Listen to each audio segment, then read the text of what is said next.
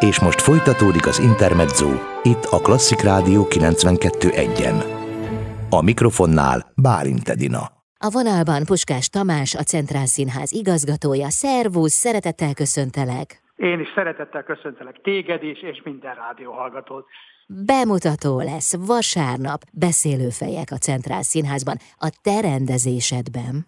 Végre bemutató Végre. lesz. Hosszú másfél év után nem igaz, nem igaz, nem igaz, Na. nem elégedetlenkedhetem, és ünnepelni kell már az első bemutatót is, hiszen a liaisonon már túl vagyunk egy szeptemberi bemutatóval, sőt, ha még szigorúbban veszük, akkor egy augusztus végi bemutatóval, és ez most a második, ami annál is inkább kapcsolódik egyébként a rossz emlékezetű Covid idő, időhöz, és nagyon reméljük, kopogjuk le, hogy nem köszönt ránk újabb hullám, uh-huh. hogy ez egy Covid-kompatibilis előadásként került elő most a régi nagy sikerek után, mert ugye 1983-ban jelentkezett a BBC ezekkel a beszélőfejekkel, ugye, amik Ellen Bennett, a színésznek és írónak is híres angol szerző szerzett, és olyan nagy sikere volt a BBC is 40 perces esteknek, amikor egy-egy alakot mutatott be, hogy végül 13-ra növekedett a megírt darabok száma. Az ellenben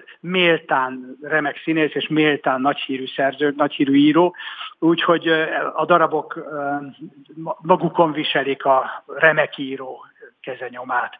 Nálunk négy színész készül neki tolmácsolni ezeket az alakokat, a Borbás Gabi, a Liptai Klaudia, a Szerenki Dóri és a Scherer Péter, és most vasárnap, október 24-én vasárnap este 19 órakor gördül fel először a függöny. Húha, ez izgalmas lesz, hát és itt beszélgetünk a bemutató előtt, tehát neked úgy látszik még van erre kapacitásod. Hol tartanak most a próbák, mert úgy tudom, hogy nagyon kevés idő áll rendelkezésre.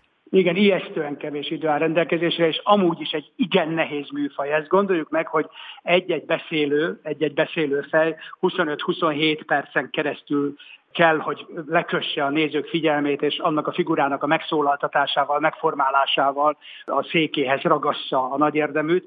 Úgyhogy ez igazán emberpróbáló feladat. Én sokáig ezeket a monológokat, vagy, a, vagy, vagy egyáltalán a drámairodalom monológiaitól uh, óckodtam, nem akartam foglalkozni velük. Azt gondoltam, hogy, hogy éppen a drámai műformához az egymásnak feszülő ellentéteket képviselő személyek harca az, ami illő. Uh, hogy lehet ezt megvalósítani, amikor egy személy szól csak a színpadon, de éppen az ellenbenet szövegei azok, amelyek bizonyították, hogy micsoda belső küzdelem, micsoda igazi drámai küzdelem az, ami ábrázolható, ha egy tehetséges író fog neki. Ezek a személyek, ezek látszólag teljesen érdektelen, szürke figurák, 12 egy tucat 19 egy hiány 20, tehát olyan, olyan emberek, akik születnek, élnek, aztán meghalnak, fölkelnek reggel, végzik a dolgukat, aztán csendben lefekszenek este, tehát hogy semmi, látszólag semmi különös nem történik velük, és amikor mégis az író közelhajol hozzájuk, és beszéltetni kezdi őket, akkor kiderül, hogy minden egyes megismételhetetlen, különös élet olyan drámaisággal bír, hogy az ember néha nevetve, néha megkönnyezve hallottakat, de az ember alig bír, alig bír az erős szánalom érzésével, ami felébred benne.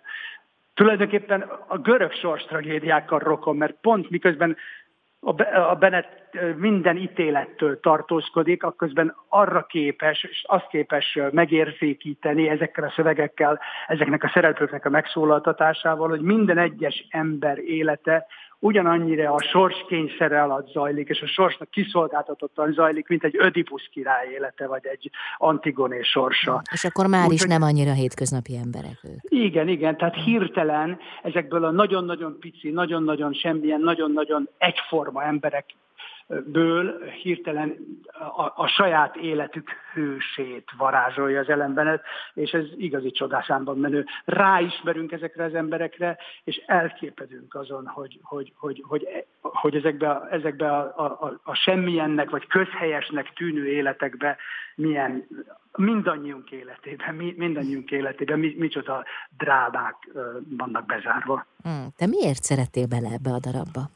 Ezért, hogy, hogy, hogy semmi ítélet, hogy, csak egyszerűen a, a, a, a, a megfigyelő, távolságtartó figyelme az, ami ráirányul ezekre a szerepekre, és mégis ez a, az, az élet elkerülhetetlen fájdalmas kényszere az, ami kiderül belőlük. De ezt, ezt annyi tehetséggel és a, a finom részletek iránti annyi érzékenységgel varázsolja elénk Ellen Bennett, hogy le a kalappal. És ez az alapállás, amit most mondtál, a megfigyelő, távolságtartó figyelem, ez egyébként is önmagunkra nézve is nagyon hasznos lehet a hétköznapok során. Tehát a saját magunkat így szemléljük.